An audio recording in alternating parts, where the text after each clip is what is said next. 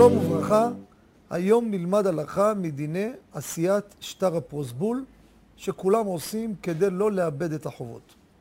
ופה אני רוצה לדבר, יש לאדם ידיד, קרוב משפחה, שעדיין הוא לא זכה לשמור תורה ומצוות.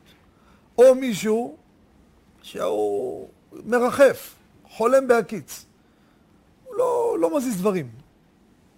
מה השאלה? אני רואה ראש השנה מתקרב, וחייבים לו כסף אנשים. אם עכשיו הוא לא יעשה פרוסבול, יאבד את כל החובות מסכן, כל הכסף יפסיד. האם אני יכול לעשות עבורו פרוסבול בלי לידע אותו, לעשות לו הפתעה? ואחרי ראש השנה אם יבוא ויגיד, וואי, לא עשיתי, תגיד, אדוני, תהיה רגוע, עשיתי עבורך. האם זה מועיל או לא? או יש אחד עכשיו לא יודע מסכן, רוצה לעשות, מסובר, גר באיזה מקום, איפה ילך, מה ילך, מתקשר לקרוב שלו בירושלים בבני ברק. עשה טובה, טפל לי בזה, תעשה לי טובה.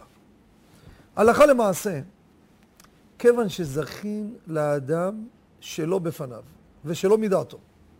מה הכוונה? אני יכול לזכות למישהו משהו, וזה נהיה שלו, אפילו שהוא לא יודע מזה. זכות לא צריך לידע, זכויות כולם אוהבים ורוצים.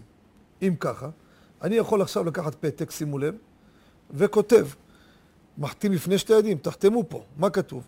הרי אני, העדים חותמים, בא לפנינו, או במקרה שלנו, פלוני אה, עשה שטר פרוסבול עבור, שימו לב, לדוגמה, אברהם לוי מגדרה, ככה, ומוסר את כל חובותיו לבית דין חשוב, הרב פלוני, הרב פלוני והרב פלוני, מוסר להם את הכל, על החתום העדים.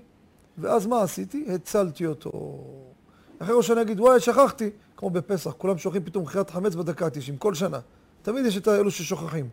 שוכחים כל הזמן, גם פה. תעשה להם את זה, עד שהוא יתעורר, תשמע, עשיתי לך טוב, עכשיו תביא אחוזים. הצלתי לך פה הרבה כסף. רבותיי, הנה שיטה איך לעשות ביזנס. שיהיה לכם שנה טובה ומבורכת.